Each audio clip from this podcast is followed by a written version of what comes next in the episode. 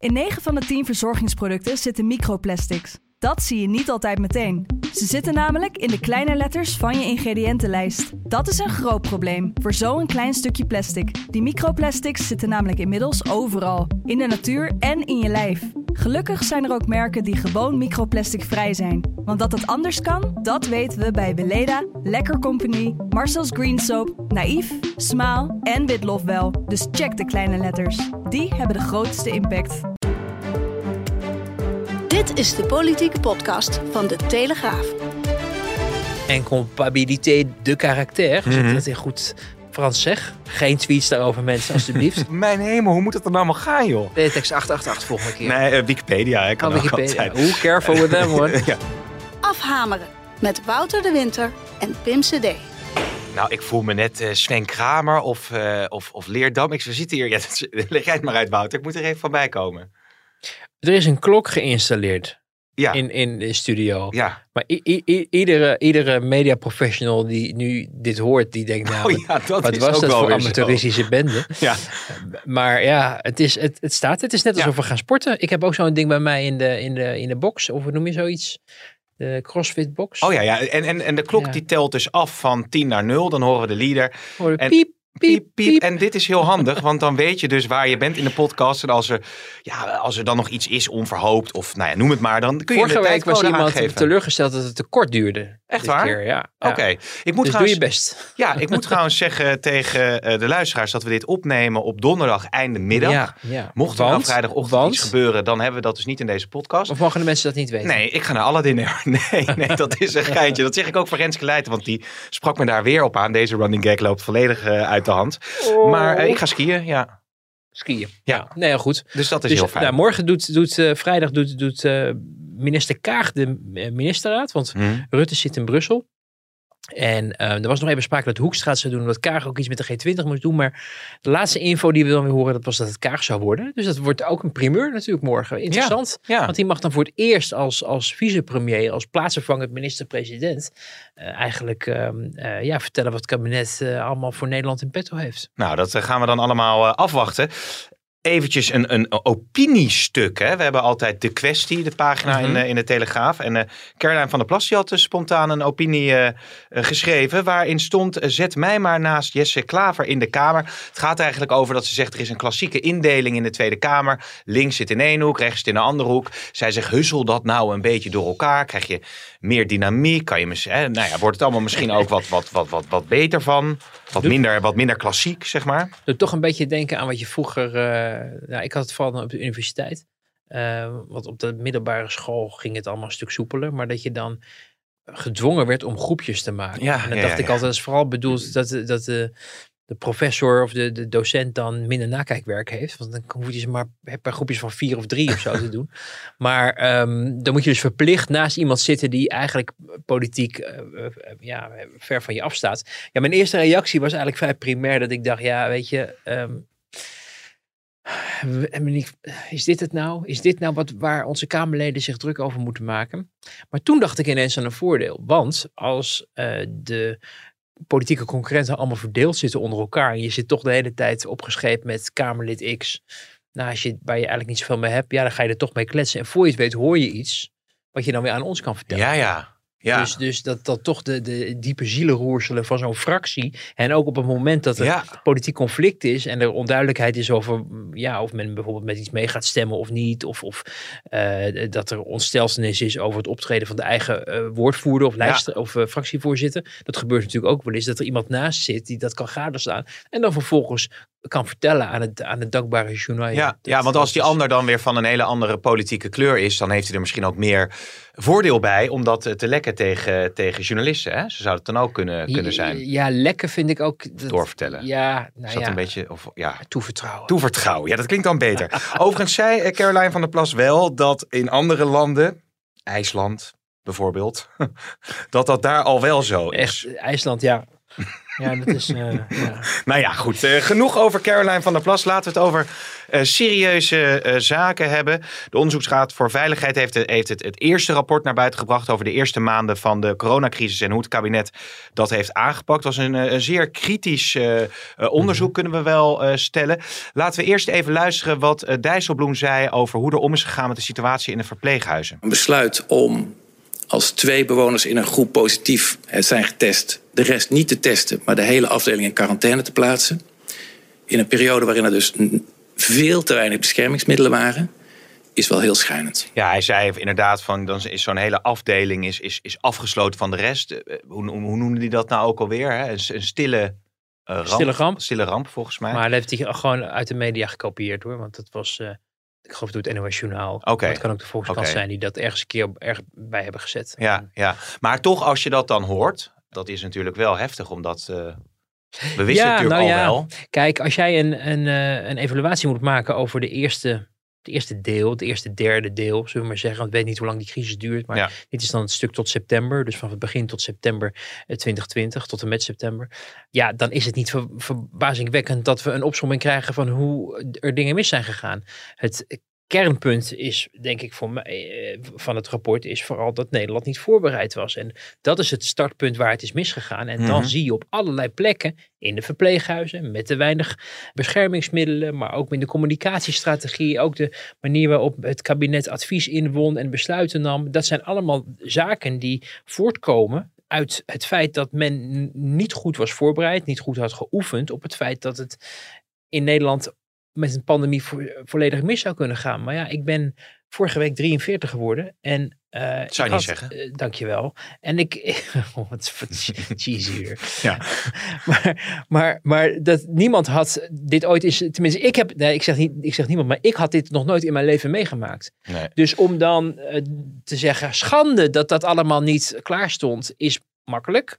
Maar misschien ook niet helemaal fair. Wat niet wegneemt dat het heel belangrijk is dat er een, een duidelijke opsomming ook gegeven wordt over de dingen die zijn misgegaan. En dat je daar vervolgens ook aanbevelingen doet, zodat het huidige kabinet daar ook mee aan de slag kan Ja. gaan om de rest van de crisis en wellicht een volgende crisis beter het hoofd te kunnen bieden. Ja, dus ja. ik, ik denk dat de waarde van het rapport heel hoog is en heel belangrijk is, omdat het onderwerpen die besproken worden aan de keukentafel zijn besproken, aan de talkshowtafel zijn besproken en niet te vergeten ook aan, aan, de, aan de overlegtafel in de treffenzaal.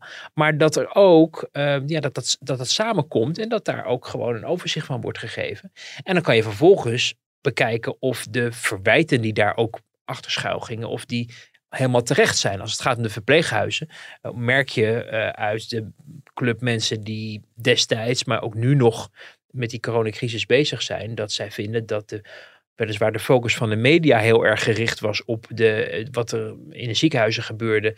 En vervolgens zeggen er is te weinig oog voor Mhm. de verpleeghuizen. Mhm. Maar je hoort dus van die clubmensen van er is, het was te laat zeker, maar er is op een gegeven moment wel echt wel actie op ondernomen. En toen hebben we alles gedaan wat we konden. Dus Ja. ik vind dat een, een te eenzijdig beeld. Dat hoor je trouwens ook wel her en der uit de OMT. Ja, ja, laten we het dan meteen hebben over eh, de kritiek eh, die er ook is dat eh, de, de rollen tussen het OMT en het kabinet misschien te veel vervlochten waren. Hè? Dat, het, dat het sterker was geweest als het OMT zijn onafhankelijke wetenschappelijk advies geeft. Punt. En het kabinet Ja, zijn onafhankelijke besluiten neemt. Ja. Punt. Je, je, je merkt, dat hebben we natuurlijk ook meegemaakt met alle overleggen die er zijn geweest, dat, dat daar een soort vervlochtenheid Ja. in zat. En, en de vaste luisteraars van Afhameren weten natuurlijk hoe vaak we daar wel niet onze verbazing ook over hebben geuit. Hè? Dat er rollen volledig eh, verwisseld werden. Niet alleen de, de, de met sterrenstof besprenkelde OMT-leden die we niet meer van het scherm konden slaan. De absentie van bewindspersonen die eigenlijk bedoeld waren om het beleid uit te leggen. En dat dus maar overlieten aan, OMT-leden die alleen maar er waren om te adviseren. Maar vervolgens kabinetsleden die zeiden ja wij nemen de de beslissingen op basis van de adviezen van het OMT, waarmee het OMT ook heel belangrijk werd gemaakt en eigenlijk bepalend werd gemaakt. Want op het moment dat het kabinet zei, we gaan er ergens iets van afwijken, dan moet je eens kijken wat het schande. Dan zei de Tweede Kamer van waarom bent u afgewezen van het eh, advies van het OMT. De Kamer had dus ook een veel te weinig zelfstandige, eigenstandige rol Mhm. in, in de controle en de bijsturing van het kabinet.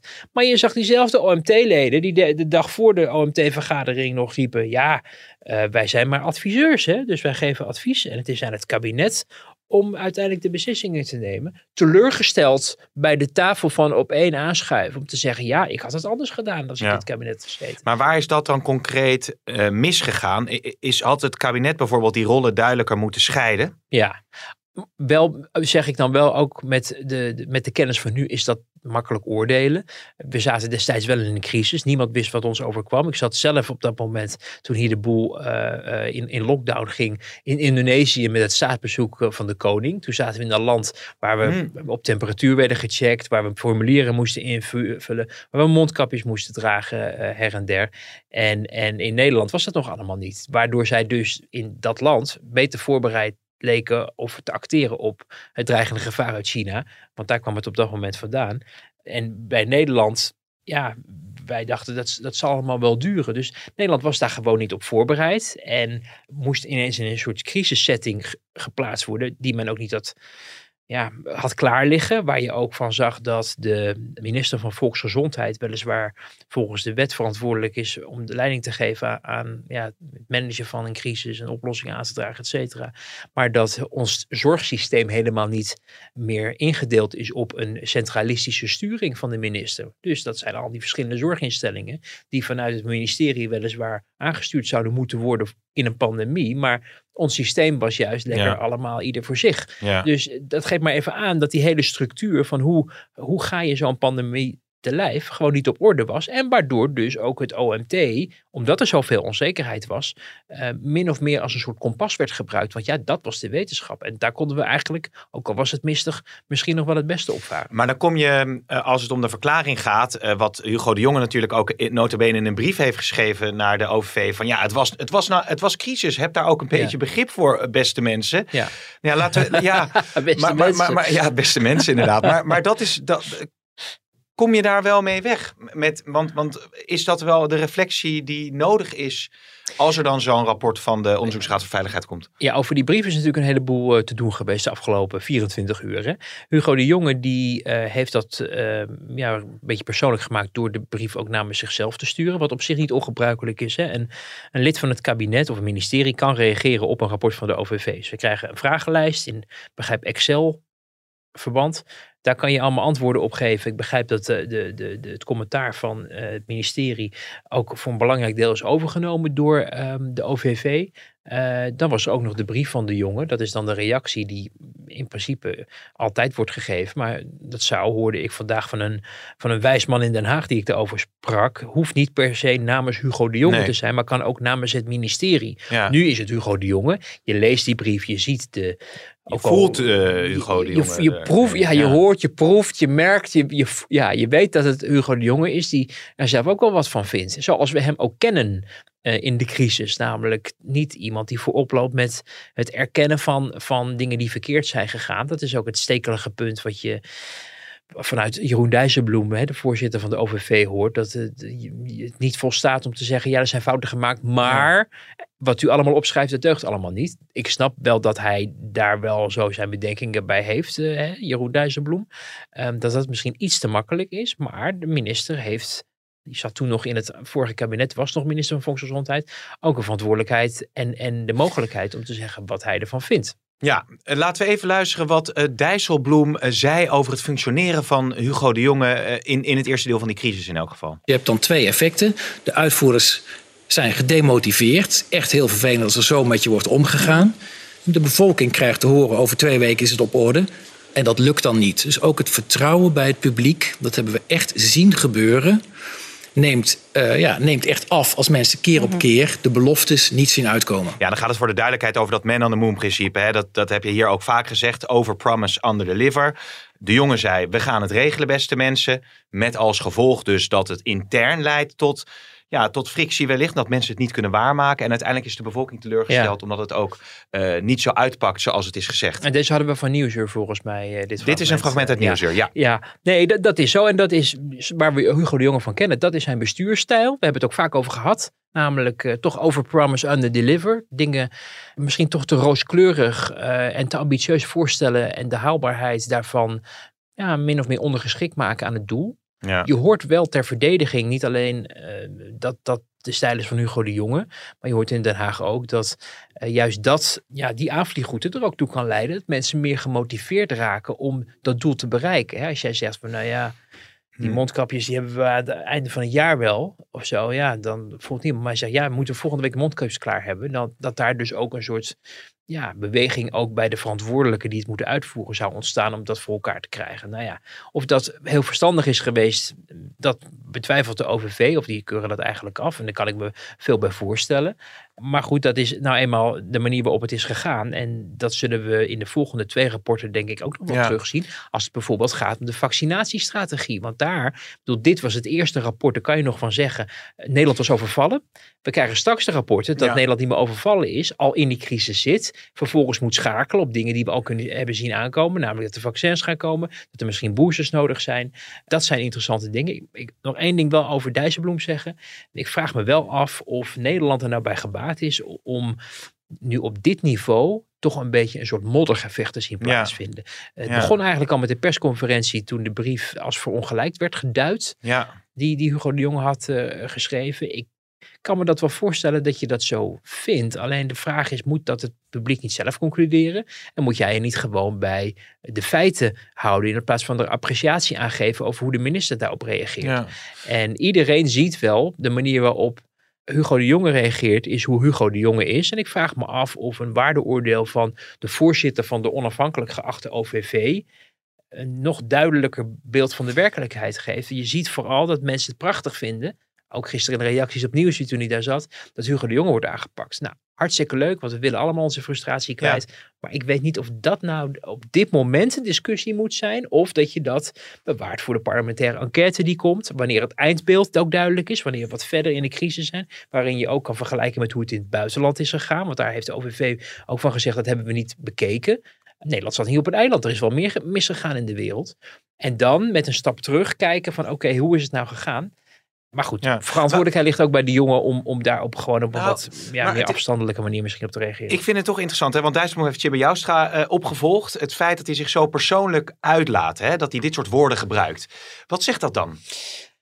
Nou, het kan een vorm van eh, je- jezelf relevant maken natuurlijk zijn. Eh, ik denk niet dat de inhoud van het rapport een mis te verstaande boodschap afgeeft. Dus ik denk dat de inhoud eigenlijk voor zich spreekt. Dus ik begrijp niet zo goed waarom daar dan eh, ja, de totale oorlog verklaard moet worden aan, aan de minister. Hoe, hoewel we allemaal gefrustreerd zijn, hebben we hier ook vaak besproken over wat er nou precies allemaal is misgegaan. Natuurlijk mag je zijn tekortkomingen benoemen. Ik denk zelf dat communicatie bij hem. En dat is inderdaad het overpromise, underdeliver. Dat dat echt een punt is wat, wat je echt ook wel eh, Hugo de Jonge kan aanrekenen. Het feit dat de mondkapjes niet klaar lagen in de, in de, in de, vind ik... eh, En, en dat de dingen niet meer centraal aangestuurd konden worden. Dat is niet iets Nee, wat per se nee, de Jonge te verwijten nee, valt. Maar nee. kabinetten eh, en eigenlijk ook kamers die dat al tientallen jaren hebben goedgekeurd. Nou, is het niet zo dat eh Dijsselbloem het vervelend vindt dat, het, het leren, dat er misschien gebrek aan lerend vermogen in zit? Of het vermogen om te zeggen: oké, dit is gebeurd, we gaan het de volgende keer beter doen. Want wat hij ook zei in Nieuwsuur, als je elke keer zegt: ja, het was nou eenmaal crisis, hè? het was een lastige Ja. tijd, we werden overvallen. Ja, ja, ja. Ja, dat, ja. nou, dat, er is wel iets, denk ik, te zeggen voor het feit dat hij zegt... ehm, je moet die onzekerheidsmarges veel duidelijker ook communiceren. Mhm. Je moet niet alles als een fait accompli, als een feit presenteren... terwijl je eigenlijk niet weet of je ten eerste kan waarmaken... of ten tweede of het wel zo is. Hè? Want het was immers mistig, eh, terwijl we aan het varen waren. eh, Ja, in, in, ja, door die Rutte mist, zei, om even ik, de woorden van, eh, van Rutte te parafraseren. Ik vind het ook, ja, je denkt wel bij jezelf... Jeroen Dijsselbloem was minister in Rutte 2. En die was als minister van Financiën uiteindelijk de politieke eindverantwoordelijke voor het toeslagendossier. Hm. We hebben hem eigenlijk nooit over gehoord. Maar hij is niet bij hoorzittingen geweest. En dat maar Wiebus, Wekers hebben we gezien snel. Maar als je echt helemaal hoog in de boom, iets wat hè, Bob Hoekstra, die kreeg dat bijvoorbeeld wel om zijn oren. Maar Dijsselbloem hebben we daar nooit over gehoord. Er is van alles bezuinigd eh, en afgebroken volgens veel linkse partijen met betrekking tot de zorg, maar ook onderwijs, alle andere dingen. Leenstelsel ingevoerd, allemaal. Allemaal dingen waarvan ook Dijsselbloem weet dat op dat moment dat de politieke realiteit was, dat het land in crisis was, dat er moest worden ingegrepen. En dan zie ik nu wel heel veel ja, beschouwingen van we hadden het allemaal heel anders moeten aanpakken in die coronacrisis. Terwijl ik denk, jij weet zelf als minister ook hoe jij met zaken wordt geconfronteerd waar je achteraf van denkt, dat hadden we anders moeten doen. Maar dat het op het moment dat het gebeurt, er weinig andere mogelijkheden Ja. lijken. Maar wordt het niet te politiek dan op een gegeven moment? Nou ja, dat zou betekenen dat er, dat er een PvdA zit op die plek. Ik heb daar wel eens eh, mijn vraagtekens bij geplaatst. Is het handig om een ex-minister te vragen om een OVV voor te zitten, die in sommige delen ook zal moeten oordelen over het beleid van zijn eigen kabinet? Jeroen Dijsselbloem zit er natuurlijk, is onder Rutte 3 daar geïnstalleerd. Onder 2 was hij nog minister. Dingen die mis zijn gegaan, langdurige trajecten, bijvoorbeeld de toeslagaffaire, is iets wat Ja. zal niet per se de OVV raken, maar dat is iets wat onder de verantwoordelijkheid van het kabinet is gebeurd, waar Jeroen Dijsselbloem eh in zat. Dus dan kan je je afvragen hoe onafhankelijk kan je nou zijn als je moet oordelen over de dingen die je eigen kabinet en jij dus ook mede verantwoordelijk voor bent. Maar goed, dat is met de toeslagaffaire niet zozeer de verantwoordelijkheid van de OVV. Er zijn weer allerlei andere instanties die zich daarover ge- gebogen hebben. Maar ja, men vond het destijds een goed idee om hem te vragen. Eh, ik denk ook dat hij een waardevol rapport heeft afgeleverd. Dus ik Ja. wil ik ook echt helemaal niet, niks afdoen aan de, de importantie van het rapport. Alleen als jij een ex-politicus of eigenlijk een politicus nog vraagt om, om, om in zo'n onafhankelijk geacht instituut te gaan zitten, moet je niet verbaasd zijn dat er af en toe ook wel misschien een bepaalde kleuring Ja. wordt gegeven. Ja. Want je, je krijgt, eh, ja, een vos verliest zijn haren, maar niet zijn streken. Of is dat te hard? Eh, nou ja, dat, dat, zijn, dat zijn jouw woorden. Nog één punt hierover, want de klok tikt onverbiddelijk door, kan ik hier wel. Oh, nou is ook over zeggen. klok. Zijn we nog, dat zijn de we nog bezig niet. met... Die denken, praat Nee, gewoon door. Nou, Aladdin. Nog, nog, nog één punt wat ik me afvraag is, eh, wat is er dan wel explosief uiteindelijk? Er komen nog meer rapporten aan, er komt nog een enquête ook naar buiten. Wanneer wordt het wel explosief of, of kan het gevolgen Jij wil horen wanneer er iemand wordt, moet worden ontstaan. Nou ja, omdat als ik, als ik naar dat eerste punt over de stille ramp in de verpleeghuizen, zijn daar bepaalde fouten gemaakt Mhm. eh, die, die vermeden hadden kunnen worden, wa- waardoor er ook minder dodelijke slachtoffers in de verpleeghuizen zijn gevallen. Dat is natuurlijk ook wat, wat een Fleur Agema of Savannah Simons, Mhm. et cetera, wat je va- vaak uit de Mhm. oppositie ook hoort. Gaat het consequenties hebben? Of is het kan consequenties hebben. dan niet voor de jongen, maar voor de, voor de, voor de huidige is minister? Ernst Kuipers dan eh, de Ja. pineut. Dus er komen nog twee rapporten aan. Hè. Het volgende rapport, rapport komt rond de zomer. Dat is deel 2. Dus dat gaat van de periode van eigenlijk oktober 2020 tot meen de zomer van 2021. Ja. Mhm. En daarna komt dus nog een rapport Ja. voor die periode daarna. En wie weet wat er daarna komt. Want wij weten natuurlijk niet welke variant, of we de Upsilon variant binnenkort al zullen Ja. zien. Of pas over drie maanden. Dus ja, dat kan nog alle kanten op. Er komt een parlementaire enquête. Ik denk Ja. dat dat eigenlijk het moment is waarin je echt ook, ehm, ja, daar zouden er wel politieke consequenties kunnen worden, kunnen volgen uit eh, de bevindingen van de Tweede Kamer. Het interessante is overigens wel dat eh, je nu heel veel hoort inderdaad over het kabinet heeft dit verkeerd gedaan en die had dat moeten doen. De rol van de Tweede Kamer blijft eigenlijk eh, redelijk onbesproken, terwijl er natuurlijk ook het nodige te zeggen is over de manier waarop de Tweede Kamer haar rol heeft opgevat, Ja. namelijk als stempelmachine te fungeren voor het kabinet ja. en ook onvoldoende heeft bijgestuurd. Dat, dat zag je wel. Dat de eerste maanden van die crisis gebeurde dat sowieso niet. Er werd ook bijna niet meer vergaderd. Later is dat, hebben ze gezegd van, ook we vonden het allemaal zo erg. We moeten nu meer op de bal zitten. En uiteindelijk gebeurt het eigenlijk nog steeds af en toe een uurtje erbij of eraf voor een avondklokje of een, of een dingetje. Dus die rol van de Kamer, die zal dan denk ik ook in die parlementaire enquête Ja. een plek moeten krijgen. En dat er ook aan die kant aan zelfreflectie eh, gedaan wordt. Maar het kabinet is natuurlijk de eerste verantwoordelijke is. En ik denk dat de parlementaire enquête ja, het, het, het meest interessante wordt. Omdat je dan ook alle hoofdrolspelers ook in dat stoeltje ziet zitten en onder Ede hoort verklaren Ja. wat er is gebeurd. Uitermate boeiend eh, zal dat allemaal gaan eh, worden. Over de nieuwe minister van eh, Volksgezondheid. Eh, die werd eh, in het eh, debat eh, door Gideon van Meijeren. Nou, ik zal niet om een imitatie vragen. eh, werd hij eh, aangevallen. Het ging, het ging over het, het, het liegen eh, van, eh, van Dissel. Hè, wat Va- Van Meijeren eigenlijk Ja. zei. Ja. En daar reageerde Kuipers als volgt op. Voorzitter, u hoort mij even stil zijn. Hè? Ik ben echt even stil. Er wordt nog een keer hier naar iemand die zich de afgelopen twee jaar naar eer en geweten ingespannen heeft, gezegd dat hij keihard gelogen heeft. Ik denk dat we ons daarvoor moeten schamen dat we dat hier tegen de heer Van Distel zeggen. Daar moeten we ons echt ontzettend voor schamen. En als u mij daar enige boosheid in mijn stem hoort, dan hoort u dat terecht. U moet zich schamen met dit soort uitspraken. Echt waar. Ja, Wouter. Fascinerend, hè? Zo'n min- zo'n minister die eerst deskundige was aan de, aan de talkshowtafels, eh, waar we het grote publiek van kennen, natuurlijk de baas bij, eh, bij het Erasmus. En nu, eh, nu die, die politieke boosheid moet ventileren. Het lijkt hem, het lijkt hem heel natuurlijk af te gaan, toch? Ja, maar hij moet natuurlijk ook voor zijn mensen gaan staan. Dat, Ja. was, dat merkte je ook wel in de, in de hoorzitting die daarvoor afging. Dat ja, de pijlen van een aantal partijen wel heel erg richting Jaap van Dissel gingen. En Ja. eh, Jaap van Dissel valt onder de politieke verantwoordelijkheid van de minister van Volksgezondheid. Dus die moet nu voor zijn mensen gaan staan. Dat snap je ook. Tegelijkertijd is er natuurlijk een, een continue discussie over omgangsvormen. En, en ook vanuit het kabinet en de coalitie een grote behoefte om een partij als Forum voor Democratie niet meer de ruimte te gunnen, maar ze tegen te spreken. Nou, dat, dat doet Kuipers nu. Dus ik denk dat hij daar ook veel steun van geniet. Eh, in ieder geval in de coalitie, maar ik denk ook wel bij een aantal oppositiepartijen. Ja, het, het, interessante is wel dat Gideon van Meijeren eerder die dag de briefing ook een paar vragen stelde aan Jaap van Dissel.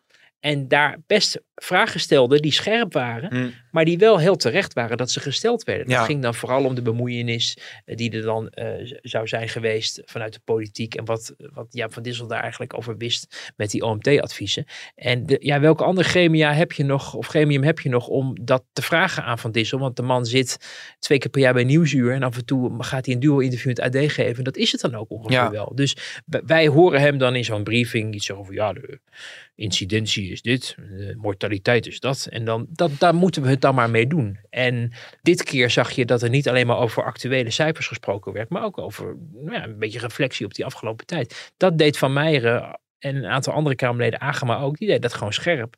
Als Kamerleden die gewoon informatie wilden hebben van hem. In het debat het weer op het oude vertrouwde beledigen eh, stukje. Wat het natuurlijk fantastisch doet voor de filmpjes die Forum voor Democratie ongetwijfeld nog maakt.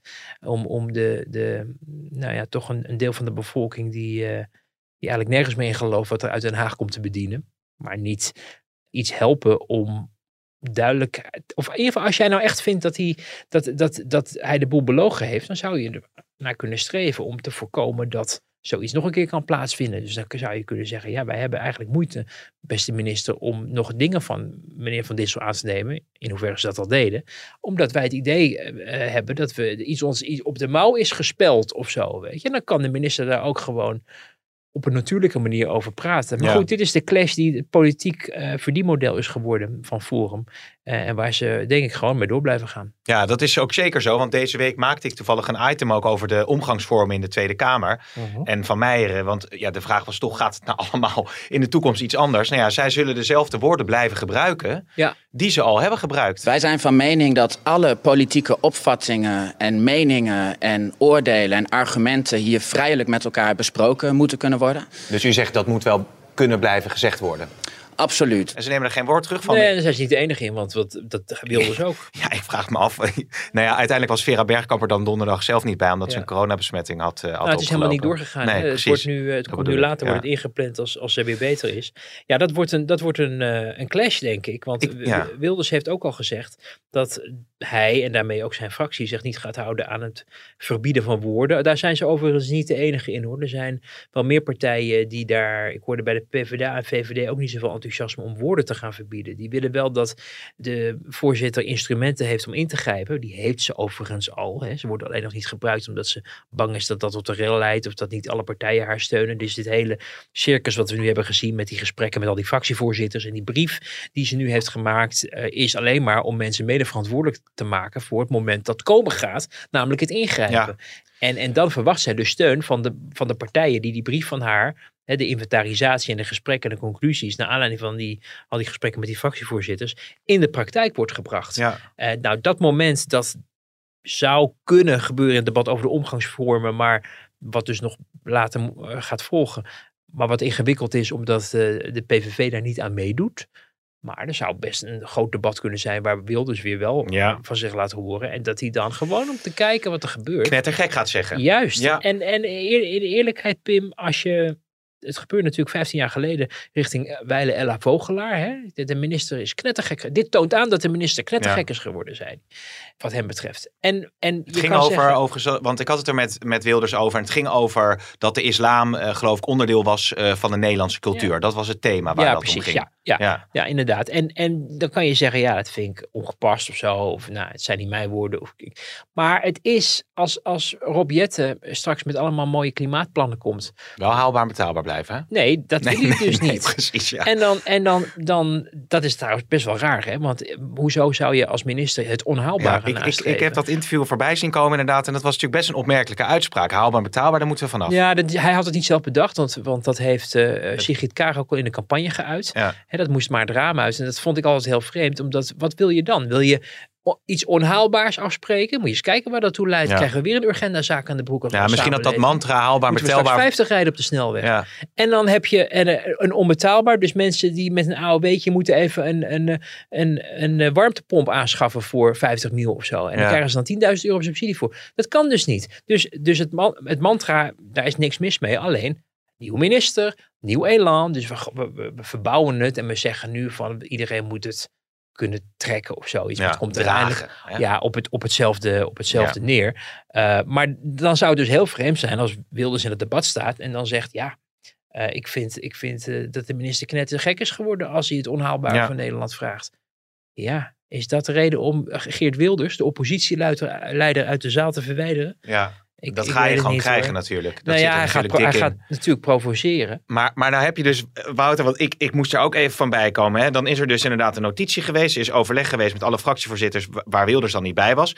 En dan heb je dus eh, uiteindelijk de SP die zegt bij, bij naam van Renske Leijt... van ja, ik zit eigenlijk helemaal niet op dat, dat, dat onderling eh, gepraat te wachten. Hè? Van ons hoeft het eigenlijk allemaal niet. Ja, we, hebben, we doen uiteindelijk wel mee aan dat eh, debat. Mhm. Maar we, we, we willen het niet over, over onszelf hebben... maar over de grote problematiek in de samenleving. Hoeveel meer woorden en energie we kwijt zijn aan het gekissenbis onderling, maar ook de, zelfs hele debatten daarover, maakt dat we geen problemen oplossen die in het land spelen. En dat vind ik echt zonde van ons tijd. Dus die staan daar al een beetje Ja. sceptisch tegenover. Ja. Nou, dan heb je Wilders die zegt, ik trek me er helemaal niks van aan. Ik ga niet onderhandelen over ehm, ehm, vrijheden die de grondwet ons als Kamerleden geeft.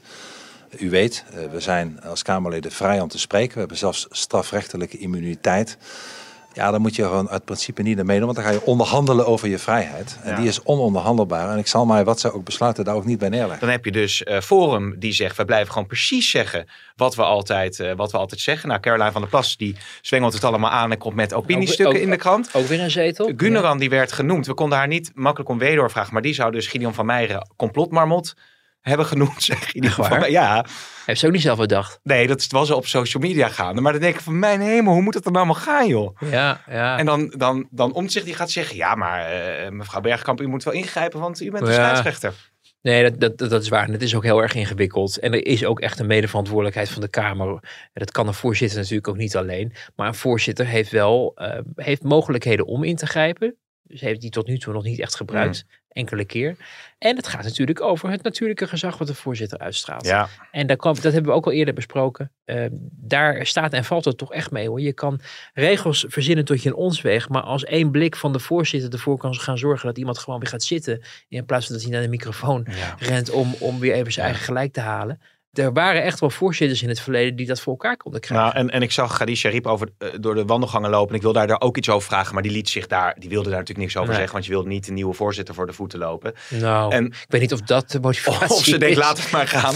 Nou, ik denk dat die gewoon. Ik bedoel, die is natuurlijk niet blij dat ze die, die baan niet meer Nee. heeft. Eh, ze is daarvoor ongeveer ook in de Kamer gebleven. Ze voelt zich enorm bedonderd door eh, de, de, ja, VVD, CDA-fracties. En D66 natuurlijk ook. Maar je wist altijd niet echt tussen eh, D66 en, en Khadija Ariep in het presidium eh, van destijds. Maar ja, het is niet chic. Dus het is Nee. iets anders dan Nee, voor de dat- dat- dat het is bedoel niet ik. Het is niet chic. om je, Nee, om is- je, om je opvolger Nee. de maat te nemen. Maar dat ik denk wel dat zij daar zo haar gedachten Ja. bij heeft. En trouwens, zij niet alleen, want er zijn ook andere voorzitters die nog in leven zijn. Het klinkt net alsof dat bij Khadija Ariep kantje boord zou zijn. Dat wil ik niet beweren. Maar er zijn natuurlijk meer mensen die de, Kamer hebben voorgezeten. eh, en die hebben dat ook soms zwaar gehad. En die hebben ook te maken gehad met de minister eh Koenders in zijn flapdrol, had Marijnissen gezegd. Of Oh ja, ja, ja. Marijnissen senior dan, hè, tegen, tegen Kamervoorzitter Wijsgas even dimmen. Ja, En, en Ja. dat is ook allemaal gebeurd. En dan kan je zeggen, ja, dat is iets anders dan wat er nu gebeurt. Maar goed, ook een voorzitter kan zijn of haar taalgebruik en, en modus operandi aanpassen aan een veranderende Ja. tijd. En dat betekent dus, als jij vindt dat dingen te ver gaan, dan eh, Ja. zegt zij, oké, nu is het klaar. Ja, En dan gaat u allemaal zitten. Want dat is nou eenmaal, ja, daarom heeft u mij gevraagd voorzitter En, en toen zei Martin Bosma in dat debat uiteindelijk tegen Gideon van Meijer van ja, het is misschien niet zo eh, gepast om iemand voor eh, leugenaar uit te maken als hij er zelf niet op kan, kan reageren, iets in die strekking. En uiteindelijk waren er hele positieve recensies op Twitter voor wat het waard is op het optreden van Martin, Martin Bosma. Bosma, ja. Ja, Ja, en dat Nou is dan ja, toch ook wel, als je dan net even thuis zit en, en je, je, je, je vervanger die doet het eh, als ware het, eh, het er vanzelf afgaat. Ja, dat ben ik met je eens. En eh, Martin Bosma is ook een goede voorzitter. Dat, dat vinden de tegenstanders van de PVV niet zo leuk om te horen. Maar hij doet dat goed, hij doet het met flair. En dat is wel iets wat je soms ook echt wel nodig hebt. Ook met natuurlijk gezag. Maar ik heb begrepen dat hij ook niet eh, zoveel zin had om het debat voor te zitten over de omgangsvormen. Oh ja. En het, is, het het mes snijdt natuurlijk wel aan twee kanten. Ja, Als je een goede voorzitter bent, dan maakt het in principe niet uit welk debat je Nee. wil- moet Ja. voorzitten. Want dat is nou eenmaal de opdracht die je hebt. Zeker als eerste ondervoorzitter. Dus dan denk ik bij mezelf, kom op Martin. Maar goed, dat Over- zal wel misschien niet mogen van Geert. Over flair gesproken. Hè, laten we eventjes teruggaan naar afgelopen dinsdag. Eh, Volt die moest eh, bij naam van Laurens Dassen tekst en uitleg geven over de schorsing van Gunahan. En ehm, nou, dat deed hij zo. De afgelopen weken hebben wij enkele meldingen ontvangen die wijzen op grensoverschrijdend gedrag van Nilifer. We hebben daarbij ook aan Nilifer aangegeven dat op de precieze inhoud van deze meldingen wij niet in kunnen gaan, omdat zij onderdeel is van het onderzoek. Tegelijkertijd hebben wij vanuit het onderzoek meldingen en signalen gekregen dat de mensen die de melding hebben gedaan niet de veiligheid en de ruimte voelen om verder naar voren te treden. En het is al ontzettend moeilijk om een melding te doen. Dus ik sta nu ook voor die veiligheid en voor die ruimte, zodat mensen naar voren kunnen treden. Ja, dit- ik heb die quote een paar keer teruggeluisterd. Oh, ja. Ja. Want wat, wat, wat- ja, Wat d- zegt hij nou hij, hij loopt gewoon vast in, in één lange zin. Ja. En daardoor uh, natuurlijk die journalisten die steeds ongeduldiger werden. Ja. En die toch gewoon wilden weten, wat is er nou eigenlijk... Eer Verweders heeft gegeven, ja, kunt u nou niet gewoon zeggen wat er aan de hand is? Echt dat je denkt, ja, dat is eigenlijk wel goed Ja, punt. het is heel ingewikkeld natuurlijk. Want ze moeten natuurlijk, ze zijn eh, een politieke partij, maar ze zijn ook, zeker als je kopstuk bent, moet je ook zorg dragen voor de mensen die daar kennelijk op de fractie een klacht over hebben ingediend. Over de omgangsvormen of om, over de, het overschrijdende gedrag waar er sprake van zou zijn.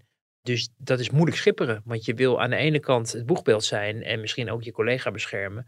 Eh, maar aan de andere kant heb je ook een verantwoordelijkheid voor de collega's die niet geen Kamerlid zijn. Eh, dus dat is een bijna onmogelijke taak voor iemand die aan het hoofd van een organisatie staat. Tegelijkertijd, het is een harde maatregel. Er is hard ingegrepen. Zij zelf heeft in een verklaring gezegd dat zij de schorsing niet eh, in verhouding vindt staan tot datgene waar zij dan van beschuldigd wordt. Waardoor zij eigenlijk min of meer aangaf dat zij weet wat het dan is. Wat wij dus officieel niet weten. Dus we doen natuurlijk ook ons werk. We praten en we horen al een tijdje dat de, tussen de nummer 1 en nummer 2 niet zo botert. En, en dat zij eh, nou ja, een, een uitgesproken Kamerlid is in de Tweede Kamervergadering in de zaal. eh, maar ook achter de schermen. eh, nou ja, met dezelfde, wat ik maar even noem, gedrevenheid zich uit. En Mm. dat zou niet bij iedereen in de goede aarde vallen. Dat is wat je, het beeld wat je hoort als je spreekt met diverse bronnen uit het Haagse en ook Ja. fracties van andere partijen die er maar daarmee geconfronteerd zijn. Eh, of ik zeg Kamerleden van andere partijen die daarmee geconfronteerd zijn. Maar goed, wij weten de details niet. Daar kunnen we ook niet, denk ik, veel meer over zeggen op dit moment. Wat wel zo is, is dat het, het is wel een enorme ingrijpende maatregel om een Kamerlid te schorsen als fractie. Dat mag eigenlijk helemaal, dat kan helemaal niet. Hè? Een Kamerlid kan zelf Nee, gewoon ze kan komen. gewoon komen. Die is gewoon gekozen, Ja. maar zij doet het dan toch uit respect voor haar partij, dat ze zich houdt aan de, de, Anders wordt het helemaal een puinzooi natuurlijk, als zij wel was gekomen. ja, dan hebben we alvast die twintigste fractie. Waar, Ja. waar trouwens Caroline van der Plassen een beetje op voorsorteerde Ja. in, in haar Ja. ingezonden stuk. Nou ja, ik moet je wel zeggen, ze heeft eerder ook geroepen en getwitterd. Want ik ga me niet afscheiden en ik blijf altijd bij Volt. Maar als je een advocaat in de arm neemt, Geert-Jan Knoops, om je te verdedigen. En je op deze manier uit ook in media over dat je het allemaal eh, niet begrijpt en, en niet terecht vindt, dan wordt het, hoe langer het duurt, wel steeds pijnlijker Ja. voor iedereen. En dan is de vraag, zijn de verhoudingen straks niet te veel verstoord? En is zij of is Volt niet te veel beschadigd, of alle twee, of hebben ze dat bij elkaar gedaan, om nog samen door te gaan? En, en dat is wel een moment dat hoe langer het duurt, steeds dichterbij komt. Ja. Maar het, is, het politieke feit is dat als een, in, een, in de top van een partij, waarin de nummer 1 en 2 met elkaar eh, ja, bonje hebben, eh, lijkt het. Want hij, zij, hij is eigenlijk toch verantwoordelijk min of meer voor de, voor de schorsing van zijn collega of zo. Eh, en je hoort de verhalen over dat het al niet zo lekker gaat tussen die twee. Dan is dat een probleem. Ja. En, en dan is de vraag of dat nog heel geloofwaardig kan worden opgelost. Overigens niet helemaal onmogelijk. We hebben dat eerder gezien bijvoorbeeld met Denk. Die hadden ook allemaal ruzie met elkaar. Nou, uiteindelijk Nou, ging dat ja. nog goed weer. Ja. Gek genoeg. Niemand begreep dat meer op een gegeven moment. En we hebben iets, zoiets ook gezien. En dat ging heel geniepig achter de schermen. Dat had overigens niet te maken met ongewenste omgangsvormen. Maar volgens mij gewoon een incompatibilité eh, de karakter. Als ik Mhm. dat in goed Frans zeg. Geen tweets daarover, mensen, alstublieft. Ehm, ik ben aan het oefenen. Nee, omdat, omdat eh, Marianne Thieme toen, eh, zo leek het, van eh, Esther Ouwehand af wilde. en op een lage plek op de lijst of zo. En uiteindelijk is dat toen niet doorgegaan. Is Esther Ouwehand nu de baas. En zij zei daarna toch vaak ook wel vriendelijk ja. richting elkaar Ja. gesignaleerd. Dus het, het kan, het is niet uitgesloten. Maar gezien de ja, het, tijdsgevricht waar we in leven en de duur van de schorsing, eh, is het denk ik ingewikkeld. Ja, heel benieuwd hoe dat verder gaat. Ik moest wel denken overigens aan eh, vorig jaar voor de verkiezingen. Fris en fruitig. eh, Dassen, die, die, daar had ik een interview mee nog bij de, de Halle in Amsterdam-West. Ook een beetje een hippige locatie. Het succes kwam natuurlijk aan, eh, aanwaaien. Afgedwongen zou je ook kunnen zeggen. En dit is dan eigenlijk de eerste grote tegenslag die die ook op een bepaalde manier moest, moest weten te managen. En dat schreef je ook in jou in het vizier. Ja. Dat dat nou niet helemaal feilloos ging. Nee, nee, want dat, dat, dat hadden ze al, leken ze over te hebben nagedacht. We moeten niet van de roltrap komen in die grote hal. Want dan zijn we net of Donald Ja. Trump die de presidentsverkiezingen wil gaan winnen. Of we zit- zitten in de, ja, de weg naar beneden. Wat vlak voor gemeenteraadsverkiezingen met overwegend positieve peilingen voor die partij natuurlijk niet een heel lekker plaatje geeft. Hè, daar kan je toch als televisieverslaggever een heel snedige voice-over onder plakken. De weg omlaag Hm. De gevonden. weg omlaag is ingezet. ja. Eh, maar, maar ja, en dan vervolgens ja, dat rare persoplopje waar eigenlijk niet zoveel werd gezegd. En dan loopt hij weg en dan komt hij bij die, bij die Ja. draaideur te staan die het dan niet doet. Of, Nee. nou, en dat, dan iedereen er maar omheen en filmen en nog meer vragen. En ja, toen dacht ik, ja, dat is je ontgroening een beetje. Want dat hebben veel van jouw collega's natuurlijk ook allemaal een keer meegemaakt. Op het moment dat hen, bij hen misging in, in de partij. Wat ik wel vind, is dat het inderdaad Volt wel erg komt aanwaaien. Hè? Het is, ze hoeven eigenlijk niet zoveel voor te doen. We hebben, we hebben Dassen het afgelopen jaar nou, nauwelijks gezien. Gundogan wel, omdat Zeker, zij ja. ook met coronadebat natuurlijk eh, duidelijk was en ook in haar boosheid ook richting eh, eh, Forum zich heeft geuit en daardoor ook ja, veel publiciteit genereerde, want dat is ongeveer het halve werk tegenwoordig als je in, in Den Haag werkt. Maar dat was het dan ook wel. ja. Als je nou vraagt van wat hebben ze nou. Misschien hebben ze nog ergens een Europese vlag kunnen planten of zo in het land. Maar voor de rest weten we eigenlijk niets waar die partij nou mm, precies voor in de Kamer Nee. is. Wat ze nou hebben nagestreefd, bereikt of wat dan ook. Of wat ze straks allemaal in de gemeenteraden gaan doen. Er zijn natuurlijk ook allemaal voltkinders. Zoals eh, dat eh, toch gewoon een beetje, omdat het nog een jonge partij Ja. is, worden genoemd. Worden afgeschilderd. Eh, en een heleboel mensen denken van nou, hij ziet er wel redelijk uit. En ik ben klaar met Jesse Klaver. En Lina de Ploemen wordt het ook niet.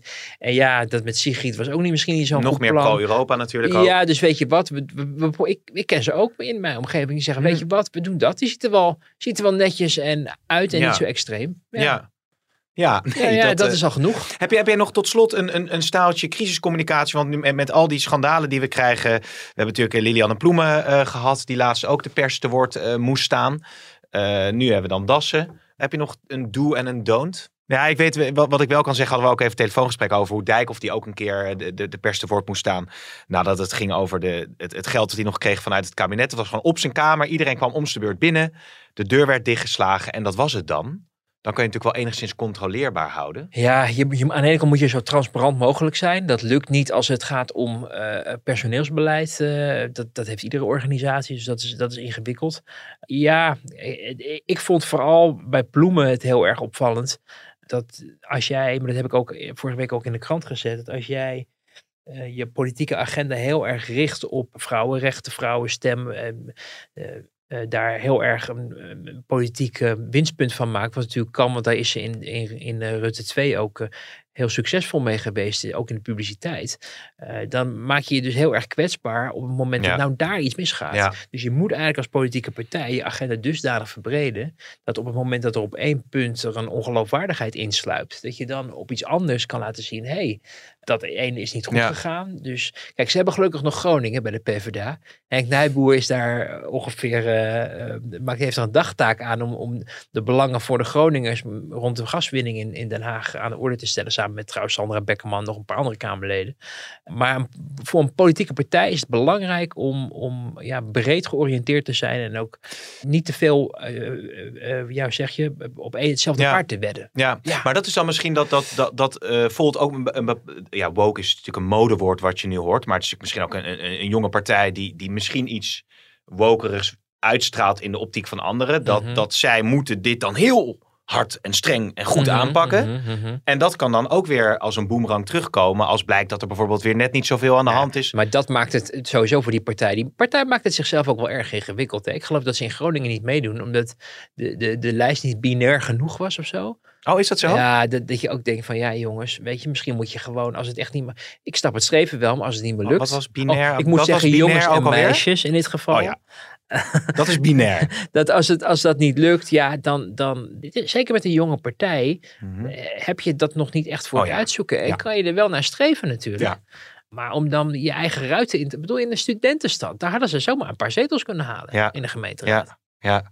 Ik zat nog even op te zoeken wat, hoe dat ook weer precies zat met eh, binair en zo. Maar Ja. dat, dat, ja. Teletext 888 volgende keer. Nee, eh, Wikipedia. kan Oh, Wikipedia. Hoe careful with them, hoor. ja. Hey Wouter, dank weer. Eh, Veel plezier met de skivakantie. En, Don't break a leg. En ik, ik ga het allemaal En word ook niet te bruin, want dat, dat straalt niet goed af bij mij Ja, als dat zien ze dan weer licht in, geeft. dat, in de podcast hebben ze daar geen last van. Dankjewel.